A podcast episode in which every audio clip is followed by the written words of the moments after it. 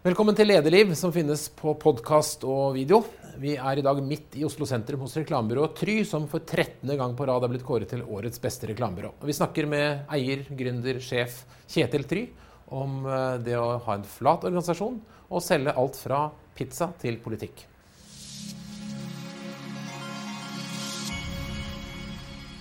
Kjetil Try, nå har reklamebyrået ditt blitt kåret til Norges beste for 13 år på rad. Det er rekord. Hva er hemmeligheten? Uh, ja, det spørsmålet har jeg fått noen ganger. Men, uh, og jeg har vel egentlig ikke noe sånn uh, Heldigvis, kanskje. Så er det, hvis det hadde vært en oppskrift, så hadde det vært veldig lett for andre å bare følge samme oppskrift. Men det handler vel om litt sånne kjedelige ting som å være veldig opptatt av å ansette flinke folk. Altså det, jo, det er et kjedelig svar, men det tror jeg faktisk er ganske viktig. Så tror jeg også at det handler litt om jeg, altså jeg tror noe av greia med at Try har greid seg bra gjennom 15 år eller 17 år som vi holdt på, i en tid hvor uh, bransjen har endra seg veldig, handler litt om at vi har, um, og særlig da med en, en, leder som på ingen måte er noen uh, internettnerd. Uh, jeg stilte jo spørsmålet må vi ha mail da vi starta, for det var bare en utgift. det får jeg jo høre i ettertid på alle julebord. Men det handler nok litt også om at uh, det har vært en så flatt struktur i Try. Det har vært jeg som har vært sjef, og så har det egentlig ikke vært noen mellomledere. Vi har hatt kreative ledere, men de er mer sånn uh, ja, hva skal jeg si, rådgivere, uh, ikke, ikke, med personellansvar. Så det betyr at alle nye vi har fått inn, har på en måte fått lov til å Eh, blomstre, eh, inspirere, dominere, alt ettersom hvor flinke de har vært. Det tror jeg har gjort at eh, folk som har hatt nye impulser Vi har jo ansatt folk da etter hvert som, som kan mer om oss, ikke minst på, på digitale, i den digitale verden. Eh, det har ikke vært noen mellomledere som på en måte av redsel for å ansette noen som er enda flinkere enn dem selv, eller noe holdt dem nede. Eller, jeg, jeg tror kanskje at det faktisk har vært en sånn suksessformel for oss at, uh, at, vi har vært flinke til å få tak i de nye tankene. Og så har de fått lov til å uh, spre dem rundt i byrået uten at noen liksom har holdt dem igjen. Uh, og det har jeg tenkt at det faktisk har vært ganske smart. Litt sånn art by accident, kanskje, men, men det har gått mye på magefølelse, faktisk. Jeg har hatt liten plan, har ikke lest en bok om lederskap noen gang. Sånn at flat struktur Eh, flinke folk er i hvert fall noe av, noe av hemmeligheten, tror jeg. For de som ikke kjenner dere som reklamebyrå, så kjenner de kanskje arbeidet deres. Hva er du mest stolt av? Hva, hva, bør man ha sett som dere har laget? Det, er, det, blir jo litt sånn at det, det, siste vi lager, er alltid det som er mest spennende, selvfølgelig. Men vi har jo laget Jeg tror det som var veldig viktig for oss eh, på et tidspunkt hvor vi var forholdsvis ferske, det var jo at vi greide å lage sånne landeplager. type sånn lørdagspizza med Grandiosa, pizzavalget, eh, Heia Tufte for Norsk Tipping. Altså den type ting. Clooney, eh, Taxi-Jens. Vi har hatt en del sånne jobber som har gjort at eh, vi har tror jeg, blitt kjent for å være et byrå som har greid å lage massekommunikasjon som veldig mange har snakka om. Og det er jo noe eh, kunder selvfølgelig syns er stas. Og det har solgt og fungert. Eh, men ellers er det veldig vanskelig å trekke fram én eller to eller tre jobber. Nå sa jeg jo noen jobber som selvfølgelig har vært uh, viktige for oss, men det er, uh, det, er, uh, det vil være delte meninger om i byrået. Og det vil helt sikkert være sånn at hvis man skal i dag si hvem er de beste, eller hvilke jobber er de fineste lagd, så vil du stort sett bare jobbe fra de siste to-tre årene. men det er klart vi lagde vi lagde mye Vi, lagde, vi har lagd mye bra reklame, syns jeg, gjennom 17 år. Og um, det kunne vært på et sånt 20-årsjubileums internfest, så kunne selvfølgelig jeg sette meg ned og si her er de 20 beste jobbene, mener jeg. Men jeg er helt overbevist om at den lista ville sett veldig forskjellig ut. Uh, avhengig av hvem som hadde laget den i byrået. Men nå har jo også mediebildet forandret seg totalt på de årene. Er, er landeplagenes tid forbi? Uh, nei, jeg tror ikke det. For det første så tror jeg jo at uh, uh, selv om ukepress og avis har uh, mista mye lesere, i hvert fall papiravisene, Eh, så, eh, så, er det fremdeles Altså, TV er jo Nordmenn ser jo nesten tre timer TV hver dag. Det sitter nesten tre millioner nordmenn og ser på TV på, i helga, selv om en del ser på NRK. Heldigvis, må man si. Det er viktig, det også. Så jeg tror at øh, øh, det vil en Det vil være en blanding av sånn eh, performance marketing hvor man er veldig, veldig, veldig, veldig finsikta i målgruppene. Men samtidig så vil massekommunikasjon, og særlig TV, tror jeg, eh, være et kjempeviktig medium i mange, mange år enda. Eh, ikke minst når du skal treffe de menneskene som i utgangspunktet ikke veit at de vil ha produktet ditt. Altså Performance marketing er jo liksom veldig til de du på en måte har en følelse at de, han er interessert i en tur med, med Color Line. Men det kan jo hende at det er noen som ikke nødvendigvis har signalisert det, som blir fanget opp av uh, alle de fine algoritmene og hva det nå heter, ikke sant? Som, som også kan være interessert i det. Uh, og de må du også nå, i hvert fall hvis du skal vokse. Og Derfor så vil massekommunikasjon være viktig. Men veldig mange har jo nå lasta ned sånne adblockere som gjør at de ikke ser reklame. Det må være et Mm. litt sånn nederlag for reklamebransjen? At folk virkelig tar seg bryet med å gjøre ting for å slippe å se det dere lager? Ja, eller i hvert fall uh, en utfordring. Eh, det betyr jo bare, kan du si, at eh, eh, Tror jeg at man må finne ja, Man må jo finne nye veier. Altså, jeg er egentlig ikke så bekymra for det. Jeg tenker at både reklamebransjen og verden ikke minst kommer til å gå videre, selv med adblocks. Men, men fremdeles så det var jo litt det samme når det var når man, når man kunne spole over reklamen på opptak og sånn. Det var vel eh, en TV 2-direktør som mente at eh, dette problemet var ikke større enn at det var flere mennesker som fremdeles hadde utedass i USA, enn de som, som gjorde det. Fremdeles er det, de- store massene er fremdeles eh, tilgjengelige. både på TV og, og i, i, i digitale medier. Men ja. Jeg, jeg tror liksom at det der det, det kommer man rundt på et, et eller annet vis. eh, og jeg, så jeg er ikke så veldig bekymra. Du lever da av gode ideer, eller får folk her til å skape gode ideer for kunden som skaper oppmerksomhet. Hvordan får du folk til å blomstre år ut og år inn? For mange har jo vært her lenge. Ja, altså For det første så tror jeg jo at veldig mange syns det er morsomt å jobbe i det som ganske mange da, av annonsørene i hvert fall mener er Norges, eh, eller i hvert fall et av Norges beste reklamebyråer. Og har vært det lenge. Det er gøy. eh, Men det gjør jo at man selvfølgelig også har en Jeg sier at vi har en kontrakt. Skal du jobbe hos oss, eh, hvis du vil være norgesmester, så må du trene litt mer enn andre og må liksom yte litt mer. Og det tror jeg Altså, det, det jobbes mye, Try. Det tror jeg særlig kreatører, men også andre syns er gøy. Altså jobbe mye, lage fin reklame. Jeg tror at hvis vi ikke hadde lagd Her er det folk som elsker det faget. Vi må produsere bra reklame, ellers kan vi kan dra på så mye turer og seminarer vi bare vil. Det hjelper ikke. Det blir sånn kunstig åndedrett. Vi må produsere bra ting. Det er det aller viktigste. Og så tror jeg det handler litt om å behandle folk eh, individuelt.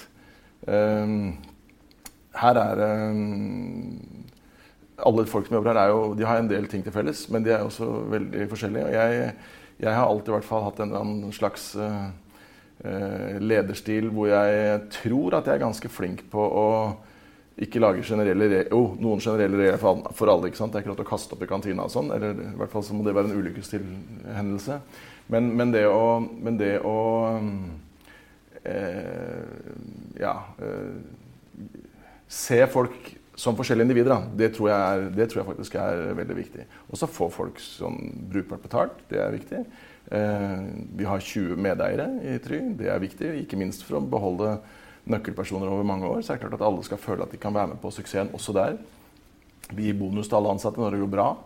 Vi reiser til Cannes, alle, eh, når det går bra.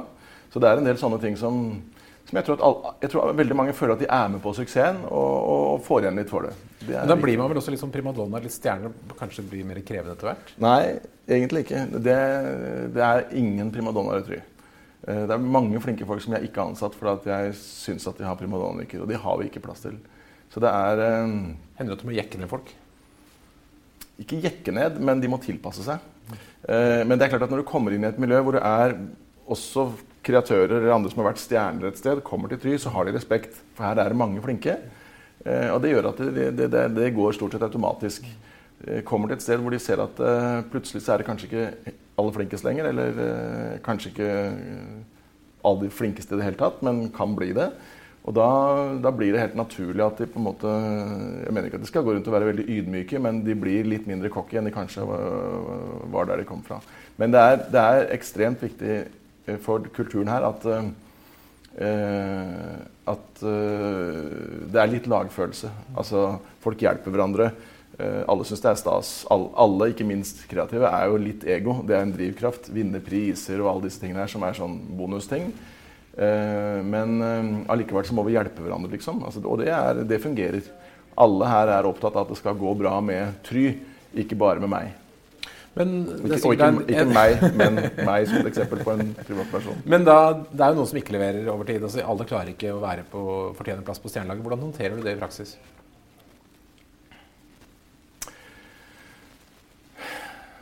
Nei, det er jo selvfølgelig sånn at innimellom så slutter folketry. Men i utgangspunktet så, så handler det om at øh, Det handler om at det er litt forskjellige posisjoner i byrået. Og det vi ikke gjør i så stor grad som mange tror, kanskje, det er at vi, vi, altså vi Hvis vi vinner priser, f.eks., som, som er viktig for, øh, for kreatører, Eh, så har vi ikke fester og drikker champagne. Vi klapper, og så er vi ferdig med det. Altså, det, er noe, det, er sånn, det, er ikke en dyrking av de beste. Også, særlig ikke fordi det å være best handler ikke nødvendigvis om å vinne mye kreative priser. Det handler jo like mye om å levere veldig bra resultater for kunder. Og det finnes, det finnes jo team i Try som kanskje et år ikke vinner noen ting i noen konkurranse, men allikevel, i mine øyne, er et av de aller beste teamene. For de lager veldig bra folkelig reklame som når bredt, og som har skapt kjemperesultater. Da må jeg selvfølgelig passe på å si det. Eh, pluss at uh, alle i utgangspunktet Jeg prøver så godt jeg kan å fordele kundene, så at alle uh, får litt forskjellige oppgaver. Og, og både spennende og kanskje litt mindre spennende kreative oppgaver. Men at alle skal på en måte få en sjanse også til å lage nyskapende, spennende reklame. Samtidig må alle skjønne at det vi lever av, det er at kundene våre er happy. For den dagen ikke, altså Vi kan vinne så mye kreative priser vi vil. Den dagen ikke det fungerer for kundene våre, så er vi konk. Sånn er det. Eh, Lebernett, som var et kjempeskjørt byrå i Norge for, eh, for 15 år siden, de var jo et byrå som vant masse kreative priser. Og så var de plutselig borte altså på, på et år. Så vi må levere, og det er, det er eh, førstebud eh, for alle selvopptatte mennesker som begynner i Try det du lager, må levere. Og så må du gjerne også vinne noen priser på det. Det er også viktig for oss i den forstand at det gjør at vi kan rekruttere andre flinke folk. De vil gjerne være et byrå som også liksom er et hot byrå eller spennende byrå eller uh, nyskapende byrå. Men det er en, eh, det er en sånn luksusting som, vi, som kommer i annen rekke. Men hvordan håndterer du hvis folk ikke klarer å levere? Hvis de ikke kan levere, så må jeg jo ta en samtale med dem. Og så øh, hender det da at noen mennesker får en sluttpakke. Men, men, i utgangspunktet først så vil jeg jo For det å ikke, det å ikke levere, det kan også handle om at hvis man først kommer litt bakpå, mister litt selvtillit, eh, så jo mer stressa man blir, desto mindre leverer man. Så da er det liksom punkt én først masse sånn ta en prat og si dette greier du, ikke sant. Dette, prøve, prøve, først å bygge opp. Se om det funker, hvis du på en måte gir en følelse av at uh, dette får du til. Uh, men hvis det da ikke går på et eller annet tidspunkt, så er det jo det er ikke noen kul situasjon verken for meg eller for vedkommende. Så da har vi en prat, og, så, og det har skjedd, men ikke veldig mye. Men, eller ikke veldig ofte. Uh, men da er det jo da man lager en avtale om at kanskje det er smart at, at du finner noe annet å gjøre. Det, sånn er det jo. Hvor har du lært eh, å være leder? Uh, I den grad jeg har lært det noe sted, så tror jeg det er litt sånn uh, Formann i klasserådet, formann i elevrådet, kaptein på hockeylaget, kaptein på fotballaget, tillitsmann i militæret. Altså den, den, type ting. Og det har jo egentlig noe med at jeg, jeg liker å lede. Uh, og jeg har da vært i mange situasjoner hvor jeg har vært en slags leder. Tillitsmann, leder, kaptein. Eh, men, eh, og jeg var eh, ganske tidlig i Jeg har jobba i bransjen i 35 år snart. Og jeg var vel 28 da jeg ble sånn kreativ direktør i et svært byrå, Young Rubicum, Scaneco Young Rubicum. Så da begynte jeg jo Da ble jeg i hvert fall formell leder. Jeg hadde vel sikkert sjefa litt rundt før det også. Men, og jeg var også da en kreativ leder, eller kreativ direktør, heter vel da, i, i Bærer reklamebyrå. Så jeg har jo på en måte likt den rollen da, og, og lært det uh, da gjennom erfaring. Selv om da jeg starta Try, var jeg opptatt av ikke å være daglig leder. Jeg skulle være kreativ leder. Så hadde vi jo inne først uh, Jappen Johansen som, uh, som, sjef, og etter det Harald Strømme. Uh, og jeg, var, eh, jeg måtte overtales faktisk til å ta over etter Harald, for jeg tenkte at jeg vil ha en, vil ha en daglig leder eh, ved siden av meg sjæl. Men så ble det ikke sånn. Og så er egentlig i hvert fall det jeg hører, så er folk fornøyd med at jeg er her. Og jeg kjenner nå at det nå hadde blitt vanskelig å gi det fra seg. Altså, og det er sikkert ikke så lett heller å komme inn og være en leder med gründer og Kjetil Try ved siden av seg. Uh, kunne blitt kanskje, kanskje, vanskelig. Men du er jo fagmann, så du kan jo faget ditt som du leder her. Er det en forutsetning for å være god leder, tror du? Nei, men jeg tror det er en fordel, i hvert fall i denne bransjen her. Særlig i, i, en, i kreative miljøer så har man så er det et eller annet med at du har en uh, annen standing når du på en måte da har vært flink kreatør gjennom mange år. Uh, og jeg skjønner også hvordan kreativ Altså hvor uh, hvor sårt og hvor følelsesmessig og hvordan det kan være noen ganger. Altså, det der å, det å skulle lage en god idé på, på 15 timer, at uh, da, kan man, da, kan man, oppføre seg til tider ganske dumt. Uh, men det er et uh, til tider også ganske tøft press. så det å skjønne den der ørlille kunstnersjela som en del kreatører har, og ta hensyn til det uten at, uten at det skal gå for langt, det tror jeg faktisk er en Når man har kjent på det litt selv, det er ålreit. Men ja. Men kunne du ledet noe helt annet? Ja. Hva var det Trygve Bratteli sa da han ble finansminister? At han kunne bare ha to jobber i, Finansdepartementet. Det var enten å være statsråd eller vaktmester. Og det er vel litt sånn for mange. Men jeg, men jeg kunne nok det. Jeg kunne helt sikkert tro jeg ledet ganske mye annet. Men jeg kunne ikke Jeg har ingen tro på at jeg liksom kunne gått inn og tatt over Statoil eh, sånn uten videre. Men, eh, men eh, særlig innenfor media sånn, tror jeg nok at jeg kunne kanskje gjort det. Likevel så ville jeg nok hatt eh, litt respekt for at det er ålreit å kunne det man kunne, det man, kunne faget der man skal lede. Så det burde vært noe som var litt beslekta, tror jeg. Du er en veldig synlig person, eller en bransjekjendis. Er det en viktig del av lederrollen å være den frontfiguren utad? Ja. Altså, og særlig i de første årene hvor det var viktig for oss å bli kjent. Nå er vi jo forhold, eller Vi er jo godt kjent blant annonsørene, ikke mm. minst, som er kundegruppa vår. Uh, men uh, det er jo en form for merkebygging. Uh, og så lenge jeg ikke dummer meg ut for mye, så er det klart at det er stort sett positivt for, for Try. Så, men det er ikke noen Det er, det er en balansegang der òg, da. Så jeg er Eh, de første fem-seks årene så var jeg jo mye mer aktiv på hvert fall å si ja til alle forespørsler jeg fikk av media, hvis det var i nærheten av noe jeg følte at dette kan jeg snakke om. Eh, nå sier jeg nei til masse. Og det er litt både fordi jeg ikke ja, Litt lat, kanskje, eh, men også fordi at Eh,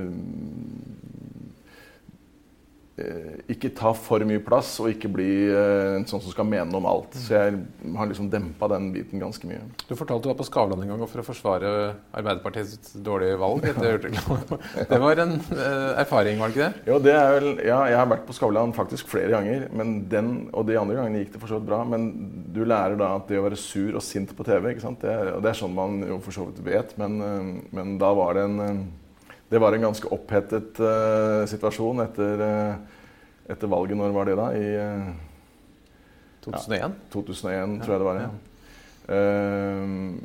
men da var jeg jo forbanna, og det burde jeg jo skjønt at da bør jeg ikke gå på TV. Og det syntes veldig godt. Så jeg, da hadde jeg noen dager etterpå hvor jeg gikk litt i meg sjæl. Hva lærte du av det? Nei, altså, Det kommer aldri noen vei å være sint på TV. Altså, det ser bare dumt ut. Altså, du får så lite sympati. Eh, og du tenker ikke klart nok. Du er eh, Men det, men det er klart at det, det, det, er jo ikke så ofte jeg er eh, Det er veldig sjelden jeg blir spurt om å være på TV i, i, på emner som ville hisse meg opp så jævlig. Men akkurat det var en Det hadde jo noe med, jo noe med et ekte engasjement for politikk å gjøre. da, og det, er klart at det, stikker, det stikker jo av og til dypere enn engasjementet for, for mye annet. så og det, var, og det, var, kniving mellom fløyer, og det var mye rart. Mm. Som jeg visste om, men som jeg, men som jeg Ja. Det var vanskelig å kommunisere på Skavlan. Er det stor forskjell på å selge pizza og politikk?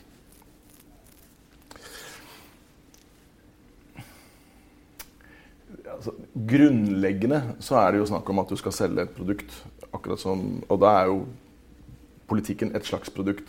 Men det høres liksom litt, uh, litt for glatt ut å si at det er akkurat det samme. Det er ikke det. Men uh, det, det, er veldig mange av de samme reglene som gjelder. Uh, I politikk så er det jo noe med at det er andre som i hvert fall bør det være sånn, som tenker strategisk i bakgrunnen og, og, og plukker ut de gode sakene osv. Og, så og så er det vi som skal kommunisere, Hvordan kommuniserer vi dette ut? Eh, når du selger pizza, så kan det hende at du kan være med å smake på noen variant, altså du kan være med å forme produktet litt, og litt avhengig av hvor tidlig du kommer inn i prosessen.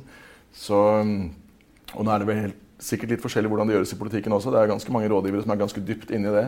Men, men jeg, jeg, håper jo og tror at, eh, at det er politikerne som det er politikerne som skal forme politikken, og så er det kommunikasjonsfolkene som skal, eh, som skal spre den. Eller hjelpe til å, å, å formulere budskapet så det, så det når fram. Eh, men det er ikke så farlig for om det er, om det er noen reklamefolk som legger seg opp i hvordan kokken Om han har på hva som fungerer best, eller hvilket navn som passer best, eller eh, når det gjelder pizza og andre, og andre produkter. Eh, men i bunn og grunn så er det jo så handler det om å tenke En god reklamemann eller -dame vil jo i utgangspunktet antagelig kunne lage både god reklame for et politisk parti og for en uh, pizza. Er det lettest å være da i opposisjon eller posisjon når man skal lage en politisk kampanje? Det er jo i opposisjon, selvfølgelig. Ja. For da slipper man å forsvare. Det er kjempevanskelig å lage Og Arbeiderpartiet, og sikkert også til en viss grad Høyre, men særlig Arbeiderpartiet, som skal være det trygge, gode valget ikke sant, for veldig mange Eh, det å lage veldig spennende, annerledes reklame for noe som skal være trygt og gjenkjennelig, er liksom én eh, kan være vanskelig. Og to, selvfølgelig, å si alt man skal gjøre og hele tiden få slengt etter seg med 'hvorfor har dere ikke gjort det', da? Dere sitter jo i regjering. Eh, så det er mye mye lettere og morsommere å lage kampanjer for et parti som på en måte ikke er ansvarlig eh, for det som har skjedd, men som kan rakke ned på de som har eh, Om ikke rakke ned på, for det skal man også være litt forsiktig med, men sånn indirekte, kanskje. Eh, stiller spørsmålstegn ved, de som sitter ved makta. Du skriver krimbøker på fritida. Mm. Hvorfor det? Er det et frirom, eller er det noen kobling til det du driver med her? Nei, det var, det var, vel, det var vel litt der at etter å ha jobba med det samme i Ja, nå skrev jeg min første bok i 97. Um, Debuterte samme dag som Jo Nesbø. Vi var på masse sånne, vi var på sånne intervjurunder sammen og sånn. Eh, nå har jo han dratt det litt lenger enn meg, men um, eh, det var nok litt for det å altså, utfordre meg sjæl på å gjøre noe annet. Se om jeg kunne fikse det og få det til. Og så har jeg skrevet da fire bøker. Siste kommer litt i 2011 eller noe sånt. Eh, og jeg har eh, og jeg liksom grei det i den forstand at jeg har eh, blitt oversatt til eh, seks språk. Jeg har eh, solgt mye bøker i Tyskland og Frankrike. Jeg har vært på bestselgerlisten i Danmark. Og ja, i det hele tatt, og det, ikke, ikke en Jo Nesbø-suksess, men nok til at jeg har tenkt at det fikk jeg til. Eh, og fått gode kritikker og solgt bra også i Norge. Så det var eh, Og, det, og da er liksom been there, done that. Så nå har, jeg ikke, nå har jeg også veldig mye å gjøre. Og hvis jeg skal skrive flere bøker, så tror jeg kanskje at det blir Jeg eh, tror ikke at det blir krim. Da må jeg gjøre noe annet igjen. Jeg vet ikke riktig hva det skulle være, men en erotisk novelle, kanskje. Jeg ser jo Aune Sand har jo hatt suksess, men, men, men, Nei, det vet jeg ikke. Men, men utfordre meg sjæl på noe annet, da. Det, blir du bedre leder av det? Nei, det tror jeg ikke. Jeg tror ikke det. Kan jeg bli en enda bedre leder? Nei, jeg tror ikke det. At krim eh, Jeg tror jeg blir en leder av å være leder. Eh, den, at jeg, jeg, lærer jo noe hele tida. Um, uh, ikke minst å takle type det vi snakket om i stad. Altså folk som ikke fikser ting. Altså hvordan, for det er jo det vanskeligste. Det er absolutt det vanskeligste. Og da sover jeg dårlig om natta. Når det er folk som ikke funker, og du har et slags eh, ansvar overfor firma, andre aksjonærer og for så vidt alt. Altså, og litt vedkommende også. og ta tak i det. Eh, men, men jeg er, men jeg er, eh, jeg er ekstremt lite konfliktsky i den forstand. Eller jeg kan jo synes det er ubehagelig, men jeg tar tak i ting med en gang. Og det øh, Og det tror jeg jo for så vidt har vært en bra egenskap. Altså, øh, hvis jeg ser at det er en eller annen greie, så, så er jeg god på det, faktisk. Uh, det er ikke så, Man skal være litt forsiktig med å skryte av seg sjøl, men der er jeg ganske flink. Tar tak i konflikter veldig fort. Men jeg, har, men, jeg, men jeg, sover dårlig. Det er ikke noe Og jeg er, i den grad noen har slutta eller fått sluttpakker, eller den type ting, så har vi vært veldig hyggelige på det. Og vi tåler en del hvis folk er Altså, Vi tåler veldig mye av folk som på en måte er utafor, det har skjedd et eller annet i livet deres, noe sykdom i familien og sånn, så er vi og det mener jeg jo man skal være. Rause på at folk da ikke nødvendigvis fungerer så godt en periode eller er veldig mye borte. Eller, da er vi, det mener jeg vi skal være veldig sånn Men hvis folk ikke funker i jobben sin over tid, så, så, må vi gjøre noe. Hvis du skulle gi noe råd til en ung person i dag som har lyst til å bli leder, hva skulle det være? Hva er dine beste lederråd? Jeg tror det er så uh, kjedelig svar, selvfølgelig, men det er jo veldig individuelt. Jeg, jeg tipper at det er uh, Gode ledere kan være veldig forskjellige. Men jeg tipper at uh, jeg tipper at uh, det å ha en rimelig innsikt i andre mennesker er uh, ganske smart. Det å se folk er ganske smart. Uh, det å kunne en del om det man driver med, er ganske smart. ikke være konfliktsky er ganske smart. Her kom det jo mange, når jeg tenker meg om. Men, men og så tror jeg jo at uh, det aller viktigste er uh, altså Alle her i Try har jeg snakka med. Det er ingen som er ansatt i Try uten at jeg har snakka med dem. Altså, det ingen, og det er kanskje det aller viktigste. Altså bruke Jeg bruker mye tid på å ansette folk. vi skulle jo Allerede for to-tre år siden så tenkte jeg, eller tre-fire år siden tenkte jeg at vi kanskje skulle ha noen PR-folk i Try. Altså den, ikke lage en PR-avdeling, men ha den kompetansen. Um, og da var det noen som maste meg skal vi ikke få inn det. Men da, da er det helt Altså jo, når jeg finner den personen jeg tror passer. Og da gikk det jo nesten halvannet år uh, før Sindre Beyer ble trukket inn i det. Og det fungerer aldeles utmerket. Men det er et eller annet med det å ansette feil mennesker som er så katastrofe. Uh, så, og samtidig så er det så vanvittig bra når du treffer. Uh, så, så jeg, jeg tror at det kanskje er den aller viktigste egenskapen. I hvert fall ikke til en toppleder i Statoil, eller kanskje der også, men, men særlig i, i, si, i, firmaer eh, hvor den menneskelige Altså hvor menneskene er alt. Eh, og det er jo veldig få firmaer hvor ikke det er ekstremt viktig. Da, hvor, hvor medarbeiderne er Eller de menneske, menneskelige eh, kvalitetene betyr mye. Så det er eh, det bruker jeg veldig, hele tiden, tror jeg. At jeg er i en eller annen sånn prosess med at kartlegger noen, eh, finner ut hvem er som er gode, snakker med dem. Ikke nødvendigvis alt for å ansette mellom, men for å ta en prat med dem og finne ut litt om dem. Så jeg, har veldig mange inne på sofaen til intervju. Altså, det hørtes jo litt spesielt ut. Men er det noe framtid? altså, har reklamebransjen en framtid? Man kan jo lure. Nå blir jo roboter og programmatisk og helt nye kanaler og sånn. Vil denne bransjen være Det blir ikke det, vet du. Det blir ikke det. Ja, ja, vi har jo til og med Vi har jo tatt konsekvensen av det. Vi har jo uh, Opt, som er en uh, Som driver med marketing performance og masse ord som jeg nesten ikke kan uttale. Um, og jeg tror at Altså Det vil alltid være behov, selvfølgelig, for å selge ting. det vil alltid være behov for en eller annen kommunikasjon mellom kjøper og selger. Så reklame i en eller annen form vil jo helt sikkert være. Uh, Reklame handler jo egentlig om å få noen til å kjøpe eller tenke det du vil at de skal kjøpe eller tenke.